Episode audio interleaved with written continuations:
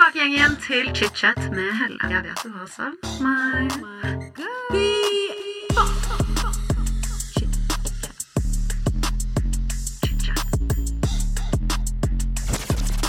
I dag får jeg besøk av Julianne Nygaard, kanskje mest kjent som Pilotfrue. Du har kanskje sett henne på bloggerne eller Instagram, eller kanskje du var sånn som meg, som leste bloggen hennes back in the days, når det var en av landets største. I dagens episode forteller Julianne om oppveksten i Fredrikstad og om livet frem til i dag. Og vi snakker også om viktige temaer som eksponering av barn i sosiale medier. Og hun deler jo også om hvordan det var å stå i stormen etter hun ga toåringen sin en iPhone i kalendergave. I tillegg deler hun om eh, IVF-reisen sin, som hun har gått gjennom sammen med mannen sin eh, Ulrik. Og hun forteller om en hel del ryktestormer, og om hvordan hun takler kritikk.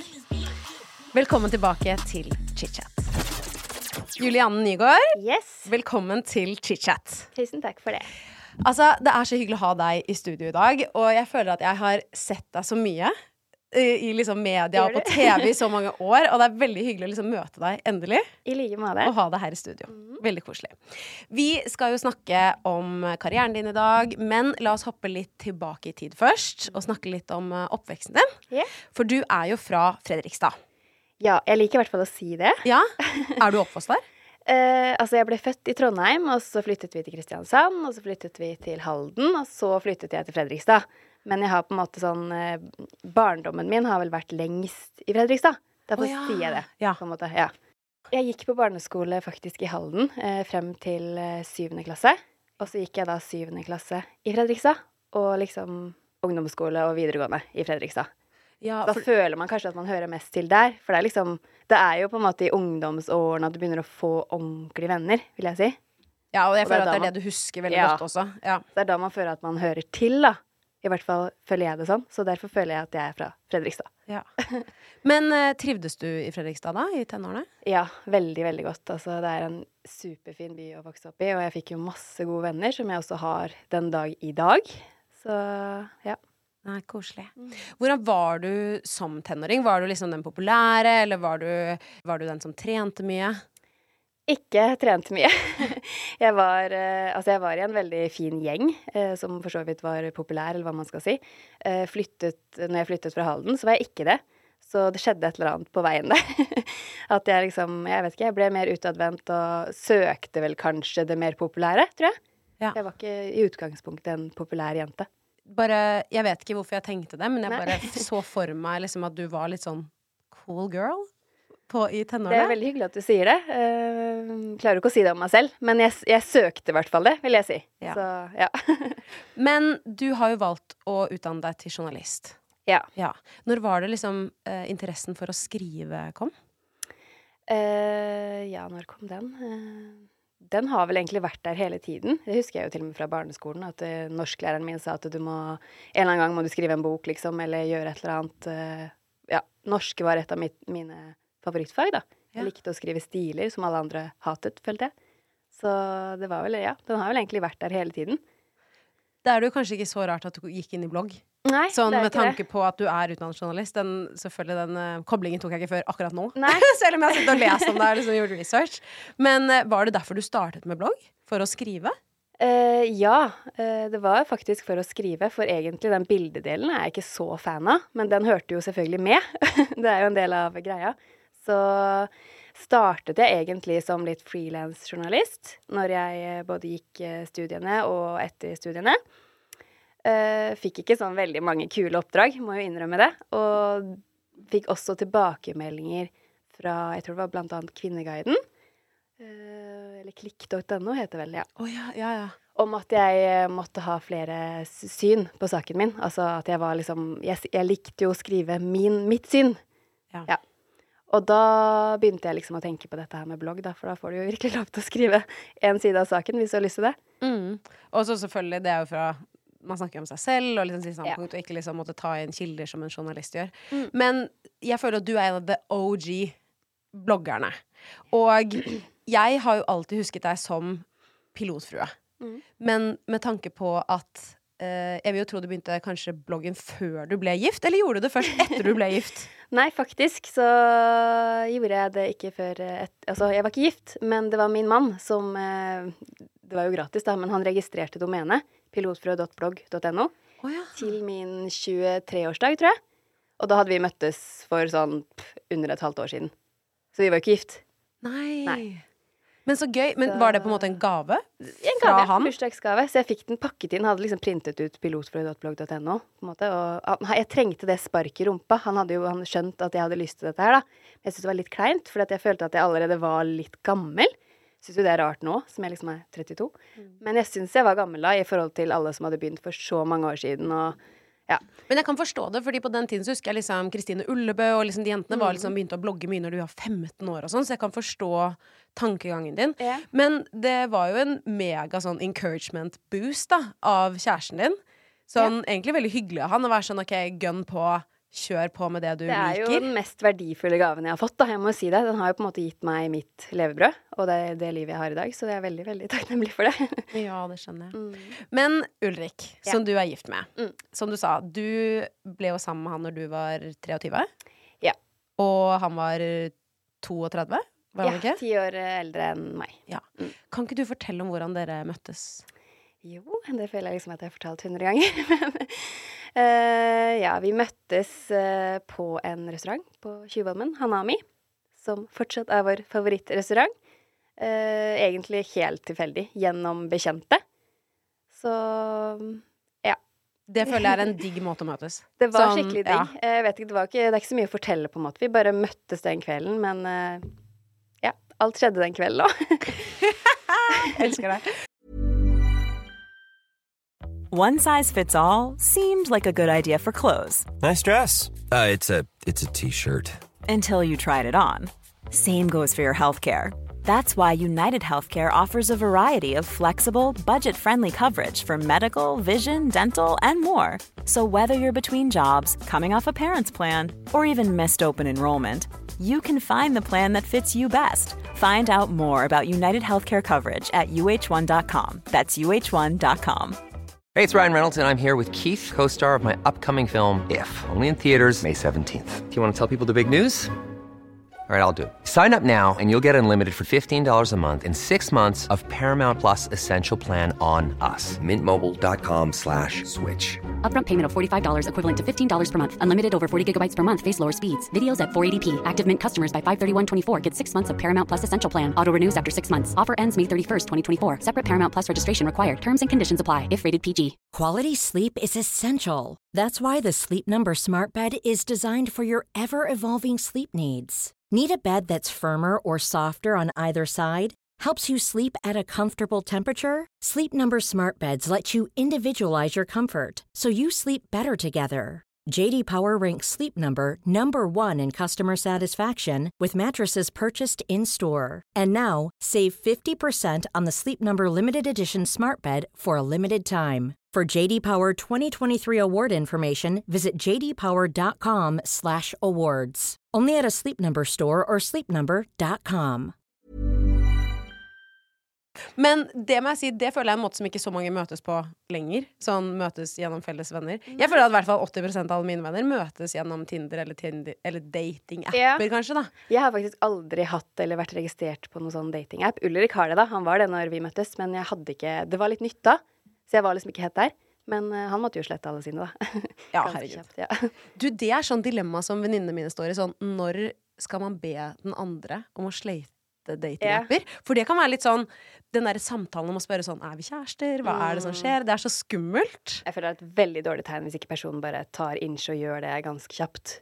Du, det er faktisk helt enig. Ja. Jeg tenker meg om. Jeg, begynner, jeg um, har jo vært sammen med min type i flere år når vi er forlovet, men uh, vi har kjent hverandre siden vi var 13, men reconnected gjennom Tinder. Eh, helt i starten, eller liksom under covid, da. Eh, og da husker jeg tenkte sånn Jeg ble jo veldig betatt av det med en gang, og da bare slettet jeg jo appen. Og så bare forventet jeg jo at han også gjorde det. Ja, selvfølgelig. Så hvis jeg hadde funnet ut i ettertid at han hadde hatt den lenge, så hadde jeg vært sånn Hva faen? Ja, ja. Eller det hadde bare føltes veldig rart. ja, ja. Men uh, du og Ulrik giftet dere jo i 2016, Mhm. og dere hadde bryllupstema Tre nøtter til Askepott. Ja. Det husker jeg så godt at jeg fulgte med på. Jeg var en av de som var sånn, så på Snap, og så så på bloggen. For jeg husker jeg Mm. tenkte sånn Jeg syns det er gøy at dere gjorde noe litt annerledes. Ja. Men eh, når du giftet deg med Ulrik, så valgte du å ta hans etternavn. Mm. Og jeg har også vært gift før, og da tok jeg også min eksmann sitt etternavn. Nå har jeg selvfølgelig tatt tilbake mitt eget, fordi Mm. vi er jo skilt. Men jeg må bare spørre deg, hvorfor valgte du å ta vekk Nilsen, som var ditt tidligere navn, og bytte det ut med det du har nå? Altså, for meg føltes det egentlig bare naturlig. Eh, det har på en måte alle i min familie gjort. Så for meg handler det litt om tradisjon. Eh, hvis det hadde vært sånn at eh, jeg hadde veldig mye tilknytta til ordet, eller navnet Nilsen som en stor bedrift eller noe, så kanskje jeg hadde tenkt annerledes. Men eh, ja, det føltes egentlig bare naturlig. Kunne også ha satt om to, begge to navnene, men jeg syns Nilsen Nygaard hør, hørtes litt rart ut. Så da valgte jeg egentlig bare Altså, det er ikke noe stor grunn bak det. Jeg syns egentlig Ja, for meg mest om tradisjon. Ja. Ja. Det var jo Ja, tradisjon er jo kanskje det man først tenker på, men jeg, altså, jeg skal være så ærlig og si at jeg bare syns eksmannen min sitt navn var sykt mye kulere enn mitt eget. Ja, altså nå er jo ikke Nygaard kjempemye kulere enn Nilsen. Det er liksom to ganske ordinære navn her i Norge, så jeg, jeg kan ikke på en måte Det er ikke det jeg støtter meg på. Jeg følte at det var naturlig, da. Nei, jeg bare, det er flere, som sagt, nå tar jeg inn eh, vennene mine igjen, men det er så mange av venninnene mine som står i det spørsmålet nå. Sånn, skal man ta navnet, skal man ikke ta navnet? Og så bare hørte jeg Live Nelvik snakke om det i Lørdagsrådet, hun har gjort det flere ganger, hvor hun yeah. er sånn Kan kvinner slutte å ta mannen sitt navn? Bare stå opp for dere selv, på en måte. Så er jeg sånn Jeg kan forstå hva hun mener, men eh, det er noe fint med å ta partneren sin sitt Jeg navn syns jo det er romantisk og fint og en fin tradisjon. Men hvis man ikke ser på det som en fin tradisjon, så skal man jo selvfølgelig ikke gjøre det. Jeg vet ikke, jeg har tenkt på det selv. Hvis jeg, eller når jeg skal gifte meg på nytt, Mm. så tror jeg faktisk ikke at jeg kommer til å ta partneren min sitt navn. Men hadde det vært første gang jeg giftet meg, så hadde jeg gjort det. Herregud. Men du og Ulrik, dere har jo to flotte gutter. Ja. Um, men det å bli gravid for deg Mm. var jo ikke bare lett. Um, og du dokumenterte det jo ganske mye også Mm. på den tiden. Hva er det du husker best fra den perioden? Altså, når jeg ser tilbake på det nå, så det litt, eh, føles det litt som et svart hull for meg. For jeg har på en måte prøvd å Jeg har jo jobbet meg for å komme meg over det og ut av det, og ja, det var jo en tung sorg. Eh, spesielt eh, redselen for å kanskje aldri få lov til å bli mamma. Det var liksom den største frykten i meg, da. Eh, men det gikk jo heldigvis bra. så Ja. Kan jeg spørre, hvor lang tid tok det fra dere liksom tenkte nå skal vi begynne til du blir gravid? Eh, Det tok ikke så lang tid. Eh, Vi var gjennom eh, fire prøverørsforsøk, som det heter, og skulle i gang med vårt femte forsøk. Så ja, jeg husker ikke akkurat hvor lang tid det tok, men det er jo også så individuelt, da, føler jeg på en måte, at det handler jo om ja, oppturene og nedturene i det her, da, hvor ja, jeg var jo gjennom en del spontanaborter og det tunge i det, det kan på en måte ikke måles i tid, hvis det går an å si sånn. Ja, selvfølgelig. Jeg kan bare ja, prøve å se det for meg. Må være veldig sånn øh, psykisk slitsomt. Sånn Ja. opp- og nedtur hele tiden. Veldig slitsomt. Ja. Mm. Men kan jeg spørre, jeg er ikke så godt kjent med det. Kan du fortelle meg hvordan en sånn prøverørsprosess foregår? Ja, altså for, for min del så var det I starten så trodde jeg ikke jeg trengte hjelp til å få barn i det hele tatt. Jeg ville bare oppsøke Altså få litt råd da når man eh, begynner å google dette her med når har jeg eggløsning, når skal vi ha sex og sånne ting. Så får man jo ekstremt mye forskjellige svar. Og så spør du venninna di, så får du noen helt andre svar, ikke sant. Så blir du egentlig bare helt forvirra. Så jeg vil egentlig bare få liksom Kan du tegne opp for meg min syklus og fortelle meg når jeg skal ha sex med Ulrik, liksom? Uh, var egentlig greia. Men når du først på en måte setter i gang en sånn prosess, så uh, Ja, du fyller ut en del ting og tar noen prøver og sånne ting, og da fant vi ut at jeg faktisk trengte hjelp. Og det visste ikke Det var ikke det som var på en måte intensjonen min. Det var egentlig Å oh, ja. Så, du, så Ja. du kom dit for noe helt annet, Ja. egentlig? Og så fortalte de Egentlig deg bare for å få teorien, liksom. Ja, for å få Ja, bare hjelp til å gjøre det riktig, holdt jeg på å si. mm. Så jeg fikk sjokk. Det var akkurat det jeg skulle si. Ja. Det må ha vært en ekstremt vond informasjon å få når du kommer dit og bare egentlig vil ha informasjon fra en lege, og så får du vite at det er noe Kan man kalle det feil? Altså Ja, altså det de fortalte meg den gangen, da, var at jeg kunne på en måte mm, At jeg på en måte tilsvarte en eh, kvinne i overgangsalderen, sånn i forhold til egg. Eh, men eh, de kunne jo ikke si noe om hvor god tid eller hvor dårlig tid jeg da hadde. For de hadde jo ikke tatt disse prøvene for f.eks. ti år før det. Så de kunne ikke se på noen kurve når du tar prøve der og da, selvfølgelig. Så, men sånn som jeg, det så ut, var at jeg da hadde dårlig tid. Så det var egentlig det som stresset meg. At på en måte da eggene dine At du var redd for at du ikke hadde At du mer på en egg måte kan gå tom for egg. Ja. Ja. For jeg hadde et veldig lavt antall egg, som er lav AMH-verdi. Ja. Ja.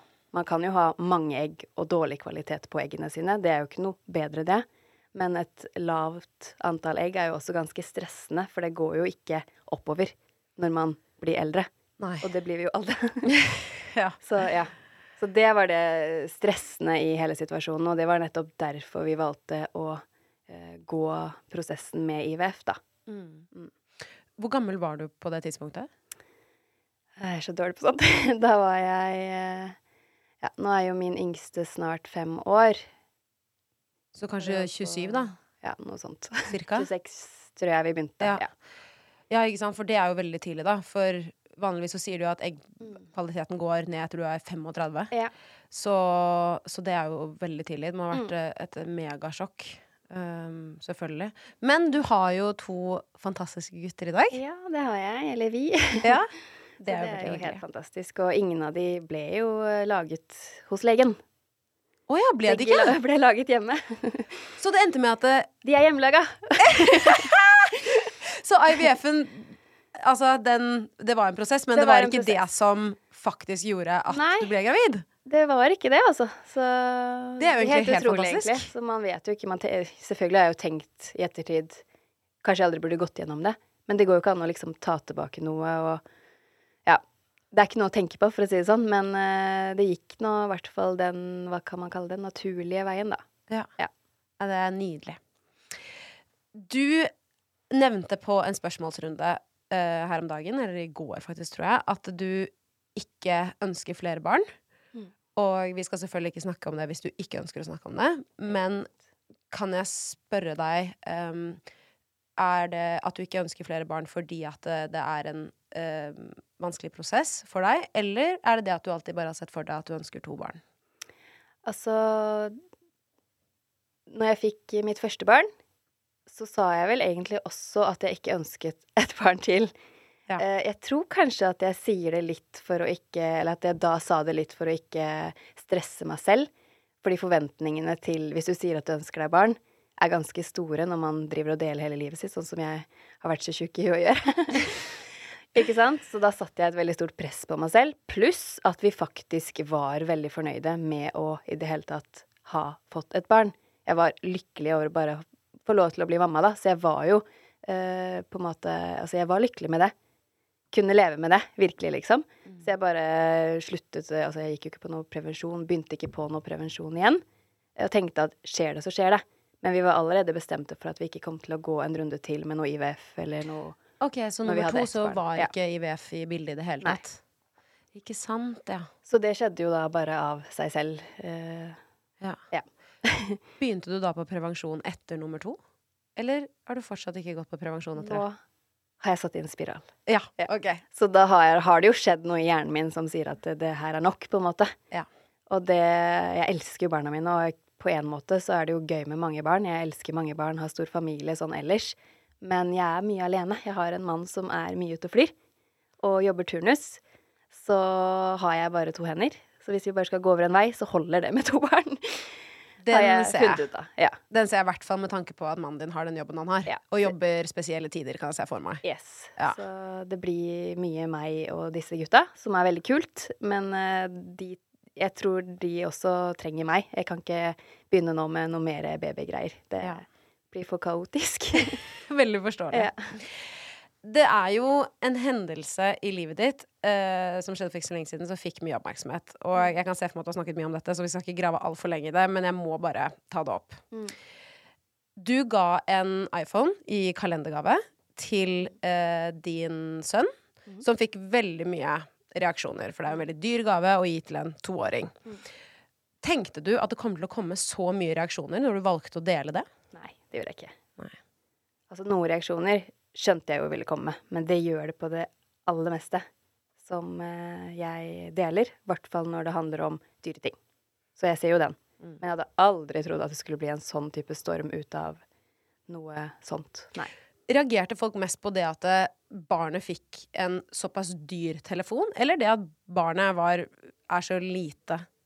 Jeg tror folk reagerte mest på uh, at jeg ga de kalendergave, som jeg i ettertid også er enig i at var klønete. Ja. Én ting er å gi en telefon til barnet ditt, uavhengig av alder. En annen ting er jo at han var ung, selvfølgelig. Men kalendergave Jeg burde kanskje holdt meg for god til det, i forhold til at barn på en måte snakker om kalendergaver, og vi snakker om 'har du vært snill, så får du fine gaver av nissen'. Altså alle barn er jo like snille, på en måte. Det er jo ikke noe sånn at mine barn fortjener noe mer av nissen eller rampenissen eller ja, i kalendergave enn andre, da. Så der må jeg selv skjerpe meg. Sånn i fremtiden. Ja. Men du gikk jo også ut og sa det at istedenfor å gi alle gaver på julaften, så valgte dere å spre gavene utover i en kalender. Og det syns jeg egentlig er en litt fin idé, sånn at man ikke kommer på julaften, og så er det så mye gaver at du sitter i mange, mange, mange timer uh, med liksom gaver til langt utpå natt, på en måte. Ja.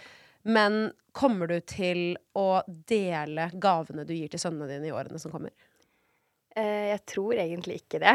Eh, Det er veldig Altså, når, når jeg sier aldri, jeg skal aldri gjøre det igjen, eller altså, da tar jo alle Da blir jeg jo fort tatt på det, for det er lett å glemme seg bort også, så jeg tør ikke å si noe sånt. Men eh, absolutt ikke Jeg vil absolutt ikke ha det fokuset i f.eks. for eksempel eh, eh, kalender, altså det rampenisseopplegget som jeg holder på med hvert år, da. Jeg vil absolutt ikke ha det pengefokuset. Eh, det vil jeg legge bort. Ja. Nei, jeg kan bare se for meg hvordan det er å stå i ja, mange av de stormene du har stått i. For du har jo fått Jeg føler ofte at liksom med enkelte personer, kanskje deg eh, og andre, så føler jeg ofte at folk liksom Selvfølgelig er lov å være kritisk til det andre folk gjør, men jeg er også litt sånn Det er ditt liv. Mm. You do you. Jeg har jo en sånn en eh, regel. Jeg lever jo etter kardemommeloven. Jeg vet ikke om du kan den. Uh, please do. uh, yeah. Repeter. Man skal ikke plage andre, man skal være grei og snill, og for øvrig kan man gjøre som man vil. Ja. Det er Den er en fin. fin, leveregel. Hadde flere levd etter den, så hadde verden vært et bedre sted. det kan jeg faktisk være enig. There's never been a faster or easier way to start your weight loss journey than with PlushCare. PlushCare accepts most insurance plans and gives you online access to board-certified physicians who can prescribe FDA-approved weight loss medications like Wigovi and Zepbound for those who qualify. Take charge of your health and speak with a board-certified physician about a weight loss plan that's right for you. Get started today at plushcare.com slash weight loss. That's plushcare.com slash weight loss. plushcare.com slash weight loss. Quality sleep is essential. That's why the Sleep Number Smart Bed is designed for your ever evolving sleep needs. Need a bed that's firmer or softer on either side? Helps you sleep at a comfortable temperature? Sleep Number Smart Beds let you individualize your comfort so you sleep better together. JD Power ranks Sleep Number number 1 in customer satisfaction with mattresses purchased in-store. And now, save 50% on the Sleep Number limited edition Smart Bed for a limited time. For JD Power 2023 award information, visit jdpower.com/awards. Only at a Sleep Number store or sleepnumber.com. I'm Sandra, and I'm just the professional your small business was looking for. But you didn't hire me because you didn't use LinkedIn jobs. LinkedIn has professionals you can't find anywhere else, including those who aren't actively looking for a new job but might be open to the perfect role, like me. In a given month, over 70% of LinkedIn users don't visit other leading job sites. So if you're not looking on LinkedIn, you'll miss out on great candidates like Sandra. Start hiring professionals like a professional. Post your free job on linkedin.com/people slash people today. Og så er jeg litt sånn Jeg hadde en innspilling med en, den andre podkasten jeg har i går, som er med en gjeng som heter Beautybloggerne. Og da snakket vi litt om det med um, eh, Venninnen min Alexandra delte det om at liksom, folk ofte heller henger seg opp i hvordan hun oppdrar hunden sin. Såpass, Ja, eh, og hun sa det hun bare Kan people bare mind their own business? Men så er jeg også litt sånn Vi er offentlige mennesker. Vi deler så mye av livet vårt. Har vi da gitt bort eh, Skjønner du hva jeg mener? Eh, det at vi ikke kan forvente at folk ikke skal reagere på valgene våre? Ja. Eller burde vi fortsatt Eller fortjener vi også på en måte ha valgene våre for oss selv? Hvis du forstår hva jeg mener? Jeg forstår hva du mener, men jeg har ikke noe klokt svar på det. Nei, ikke jeg heller. Jeg aner ikke. Herregud. Men eh, altså, når det kommer til å publisere ting i sosiale medier Ja. Det er jo åpenbart mye negativt som kommer med negativ presse, men all PR er god PR, sies det. Har du noen gang publisert noe kun for å få en reaksjon eller PR? Nei, det har jeg ikke gjort. Men jeg har vært 100% klar over at jeg kommer til å få reaksjoner. Eh, nå har jeg ikke noe veldig godt eksempel, men på mange av blogginnleggene mine eksempel, og på, ja, på postene mine, så er jeg jo klar over, stort sett, da, sånn cirka hva som kommer. Ja. Det vil jeg si. Har du noen gang postet et innlegg og tenkt sånn Dette vet jeg kommer til å få mye hets, men jeg bare står i det, for jeg virkelig mener det. Absolutt. Hatt vondt i magen og dobbeltsjekka med Ulrik og ja. Har du et eksempel? Ah, det er akkurat sånn eksempel, så det er så vanskelig å komme med. Men eh, har du? Nei, men, det, men altså, jeg skjønner hva du mener om magefølelsen. Mm. Den kjenner du igjen når jeg stilte Altså, spørsmålet. det er jo ikke sånn, sånn, som jeg sa, jeg, jeg gjør ikke det nå lenger. Det var jo mer i bloggtiden, ikke sant? Ja. For da, da levde man jo også av klikk, da. Man skal Ja. ikke glemme det. Altså, du fikk penger for at folk klikka deg inn på bloggen din. Fikk du betalt av blogg.no for at folk klikket seg inn? Ja. Herregud. Det er jo, det er jo en grunn til at det her clickbait-greiene egentlig begynte. Altså, nå hjelper det ingenting. Du, hvis, hvis jeg skriver noe som får veldig mye oppmerksomhet nå, så mister jeg som regel 200 følger, følgere. Ja, ikke Ja. Så det er ikke noe sånn vinning av det i dag. Jeg kom faktisk på et eksempel nå. Ja, okay. Som jeg bare husker fra gammelt av, og så har jeg gjort research og åpenbart lest mye. Eh, For eksempel så har du delt mye om at du Eller mye og mye. Du og Ulrik har tatt uh, Botox og liksom kosmetiske injeksjoner, da. Mm. Det er jo en ting som du har snakket om tidligere. Er det en ting som du tenker at du kanskje ikke hadde publisert nå, i forhold til det du gjorde før, med tanke på reaksjoner av andre? Ja, altså det tenkte jeg faktisk ikke så mye over den gangen jeg publiserte det. Jeg tror faktisk bare jeg har skrevet om det i ett blogginnlegg, hvis jeg ikke tar feil. Eh, ikke ta meg på det.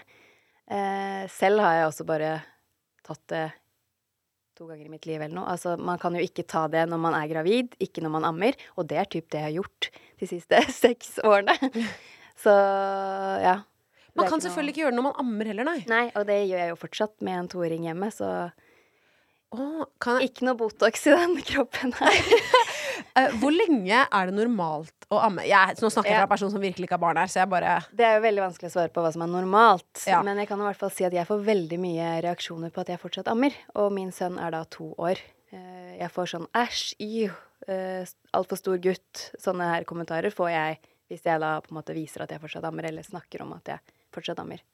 Ja. Så, Ja, nei, jeg vet Ja. ikke hva som er rett eller galt, eller hva som er uh, noe som helst der, men uh, igjen, det er vel opp til deg hva du gjør der, jeg vil på jo si måte. det også. Men uh, ja. Folk. Folk er folk. Folk er folk! Jeg syns jo det er litt gøy ja, da, når folk skal drive og henge seg opp i liksom andres greier og sånn. Selvfølgelig, jeg kan faktisk forstå at liksom folk er sånn Oi, OK, du ga en iPhone til en toåring, på en måte. Den forstår jeg. Men jeg forstår bare ikke at de legger så mye energi i det. Nei, det forstår ikke jeg heller. Og så så er det Eller at de poster det så mye, liksom. Det er sånn eh, Som vi tenkte, da. Det er ikke så veldig stor forskjell på en iPhone og en iPad. Nei. Nei. Det er jo Det blir jeg Ja, det er jeg enig i. Og der er det Det er så mange diskusjoner her som bare Men jeg, jeg slipper hele greia, for jeg orker ikke. Ja. Ja. Ja, nei, jeg er jo, har jo åpenbart ikke barn. Og så jeg eh, Folk vil sikkert si at jeg ikke har noe å si der heller, da. Men, eh, og det kan godt hende. Men ja. Sånn er livet. Sånn er livet. Sånn er livet. Ja.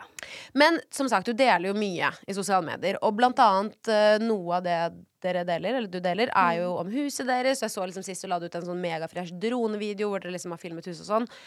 Er du noen gang redd for at folk skal oppsøke deg hjemme uanmeldt med tanke på at du viser hvor du bor? Eh, det har jo folk gjort faktisk før. Nå har jo det bare vært eh, hyggelig besøk, eller hva jeg skal si. Jeg syns jo det er å trå over en grense uansett, hvis man drar noe til noen man ikke kjenner. Ja, det vil jeg si. Sånn annet enn gjennom sosiale medier. Eh, men jeg er ikke redd for det. Jeg føler jo på en måte at vi bor i et veldig trygt land. Eh, og det meste er jo offentlig. Så nei, ikke så veldig redd for det. Ja. Nei, det er jo veldig sant det at liksom, hvis noen er keen på å finne ut hvor jeg bor, så tar de det sikkert Det tar ikke så lang tid, vil jeg tro. Å- Å sitte og google et par Jeg føler det blir liksom. litt sånn uh, spesielt at man skal, alt skal være så hemmelig når man først på en måte Når jeg først driver med det jeg gjør, da, og bor i lille Norge. Så Ja. Nei, godt poeng. Med tanke på liksom det samme med huset. noe jeg har tenkt på sånn eh, når folk som er kjente, som deg, eh, for eksempel når du er på ferie, er du noen gang redd da for at folk skal se at du er på ferie, og så robber huset ditt?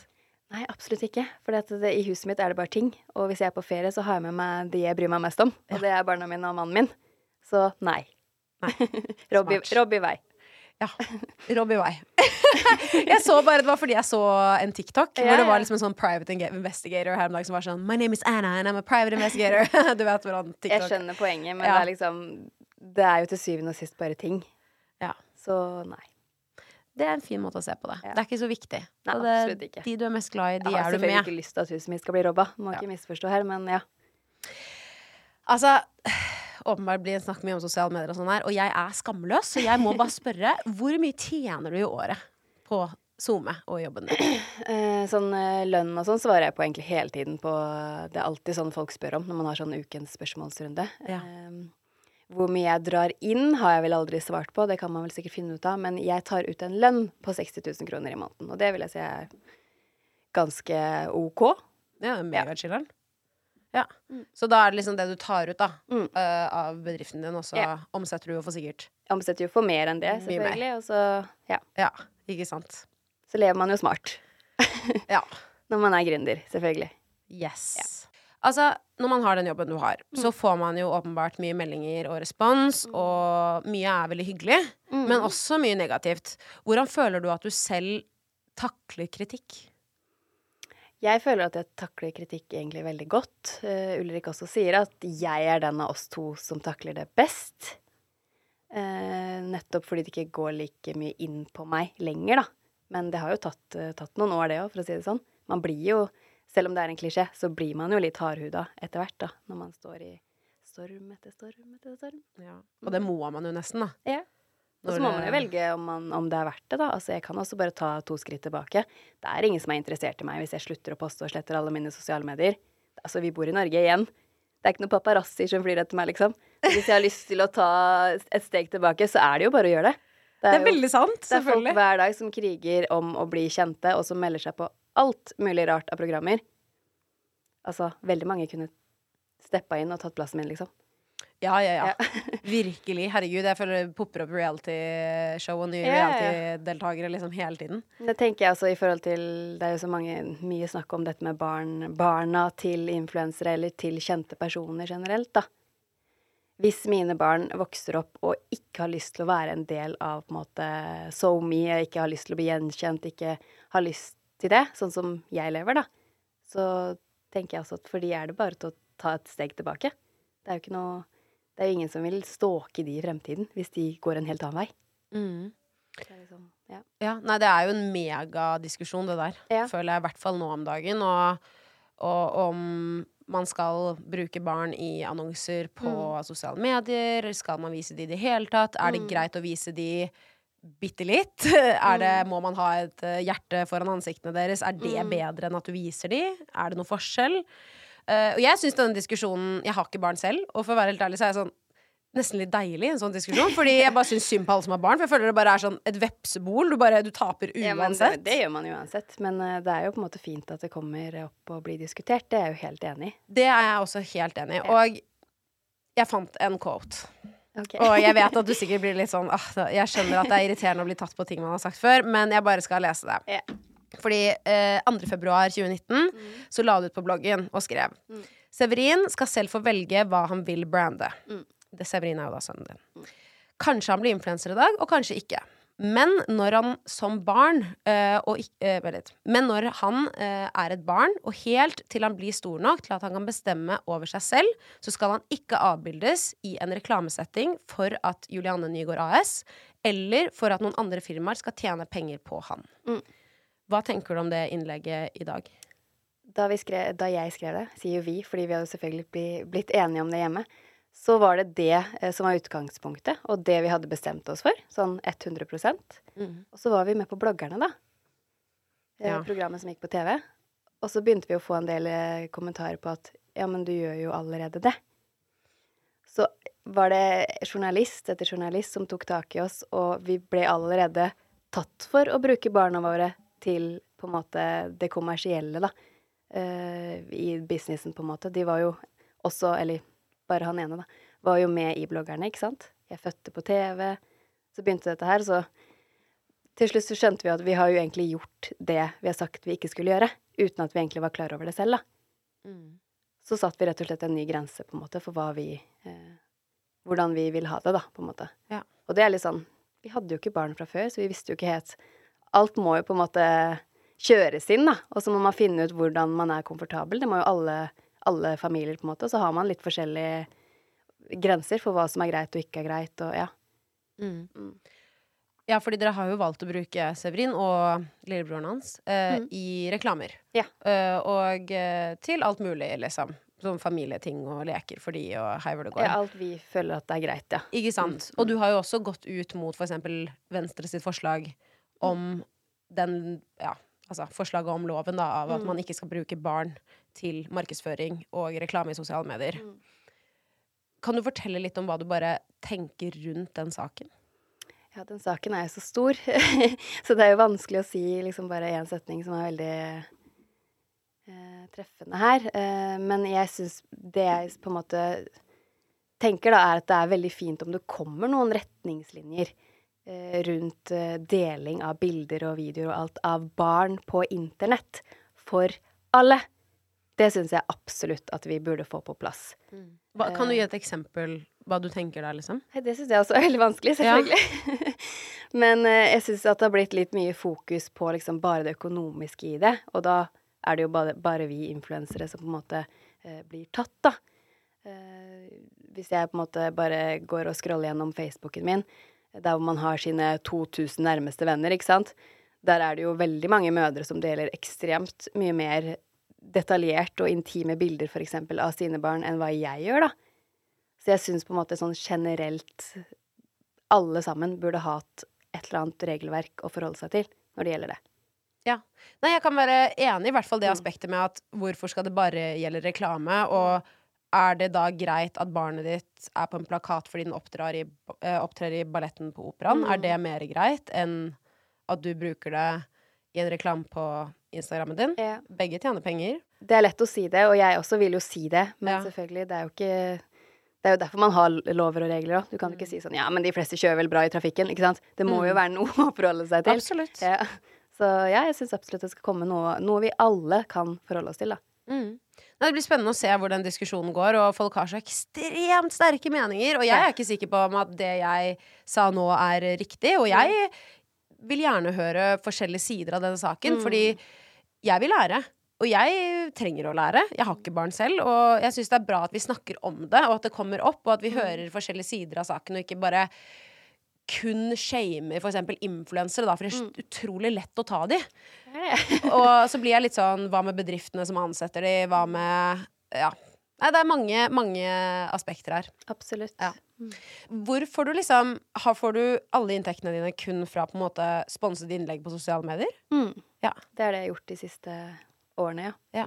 Så du har ikke noen utbetalinger fra liksom YouTube eller podcaster? Eller Nei, liksom nå driver jeg ikke med noe annet. eh, begynner kanskje å savne å gjøre noe mer, eh, men med små barn, som du ikke vet så veldig mye om, da, så har jeg ikke hatt tid til det, rett og slett. Så jeg har liksom bare konsentrert meg om eh, Instagram og Snapchat. Men eh, faktisk, jeg, det skrev jeg om her om dagen, at jeg begynner å savne bloggen litt. Men jeg vet ikke om det bare er et innfall, så jeg må tenke litt til på det. Oi! Ja, Tenk om du hadde gått tilbake til liksom bloggverden. ja kanskje. Kanskje ikke. Skrive mer igjen, liksom. Ja, jeg savner det litt. Og jeg er liksom ikke den typen som kan sette meg ned egentlig. Jeg har jo skrevet en bok, da, men syns ikke det var så gøy. Kommer ikke til å skrive en bok til, for å si det sånn. For jeg, jeg liker realityen i det, da. Skrive en bok nå, og så blir den publisert om halvannet år, liksom. Det er er kjedelig. Ja, og så er Det det, må det, ut nå. Men det har jeg tenkt på mange ganger sånn Ja. Hvis du skriver noe nå, så kommer den ut om så lenge. I hvert fall Ja. hvis det handler om noe personlig, som ofte influensere gjør da, når de publiserer en bok. Så føler man nesten at det er sånn Kanskje man har byttet meninger, eller kanskje det har skjedd noe i mellomtiden. Kanskje man har byttet meninger flere ganger. Nå. Ja? Det kan også skje. Men sånn som Det er veldig mange influensere som gir ut bøker. Ja. Og du blant annet med liksom alle mulige. Jeg føler Jeg har så mange venner, jeg. Altså sånn Evelina har liksom gitt ut makeupbok, makeup-bok, og så har du liksom eh, Hanna Martine som har gitt ut sånn eh, diary, og så har du liksom Victoria Skau som fortalte om kjærlighetssorg. Hun har også vært i podkasten her. Hva tjente du på din bok? Kan jeg spørre om det? Det husker jeg ikke. Men jeg husker at det ikke var noe sånn spesielt god business i forhold til eh, blogg og Instagram, da. Sånn, jeg tjener bedre på det. Ja. Men jeg så, altså I det store og hele, da, så var det en veldig fin ting for meg å gjøre, for jeg skrev jo om veien til uh, en baby. Så jeg delte jo hele prosessen.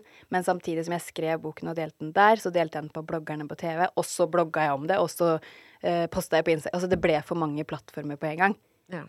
Det ble bare helt tullete, egentlig. Så boka i seg selv var ikke noe som uh, gjorde det store utslaget for meg, men hele historien var jo veldig fin å dele, da. Ja. Ja. Men det kan jeg forstå, for jeg bare tenker liksom på hvor sykt mye tid det må være å liksom skrive bok. Nå har veldig mange ghostwriters, da. Ja. Hadde du det, eller skrev Nei, du hele boken ikke. selv? Ja. Ja, da er det jo i hvert fall veldig time consuming, da. For potensielt liksom lite som kommer ut av det. I Mm. hvert fall med tanke på at du er så eksponert på så mange andre områder, så forstår jeg godt at du la den fra deg.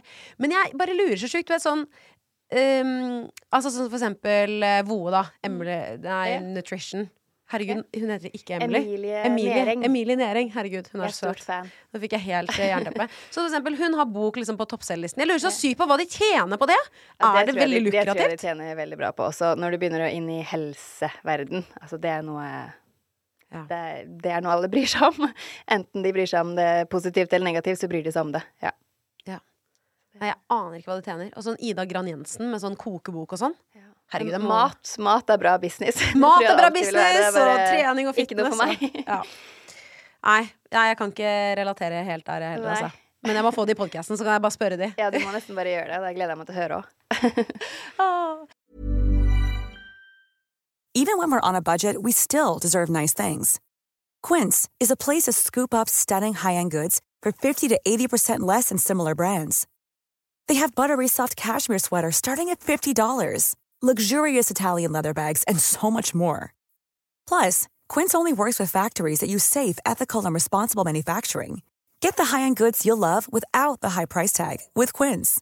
Go to quince.com slash style for free shipping and 365-day returns. Men har du og Ulrik noen planer i året som kommer? Planer? Eh, ja, altså Det har vi. vi har alltid mye greier på gang. Eh, nå driver jo Ulrik eh, Jeg sier Ulrik, det er jo vi, da. Men eh, vi har startet en, nytt, en ny bedrift. En ny business Oi, gøy. sammen. Så det er jo veldig gøy. Fra, nå håper jeg jeg sier riktig, da, fra mai 2023 så må man ha høyhastighetsbevis hvis man driver et fartøy, altså vannskuter eller båt som kjører over 50 knop. Og det gjelder jo veldig, veldig mange. Så Oi. Ulrik har nå da tatt eh, diverse kurs og ting og tang, sånn at han kan Jeg sier ting og tang, for det har åpenlyst ikke jeg peiling på. Eh, så han kan instruere i det, da. Så det er veldig gøy. Så han begynner nå fra og med mars, er det vel, å kjøre kurs sånn fysisk på sjøen, liksom, med båt og scooter. Oi, så gøy! Det er veldig gøy, da. Herregud, jeg har hørt at det er mega big business. Sånn derre båtførerprøven-kurs og Ja, altså, sånne kurs. Det vet jeg ingenting om, men uh, det blir nok et rush nå, selvfølgelig, siden det er nye lover og regler, naturligvis. Så, og så er det jo fint, da. Det å bli tryggere på sjøen. Det er jo bra, det. Ja, det er nydelig. Det er nydelig. Ja. Herregud. Jeg gleder meg til å følge med på familien din fremover. Og så må jeg bare takke for at du kom i Chichat. Dette har vært en nydelig prat. Tusen takk for meg. Det var veldig godt å se.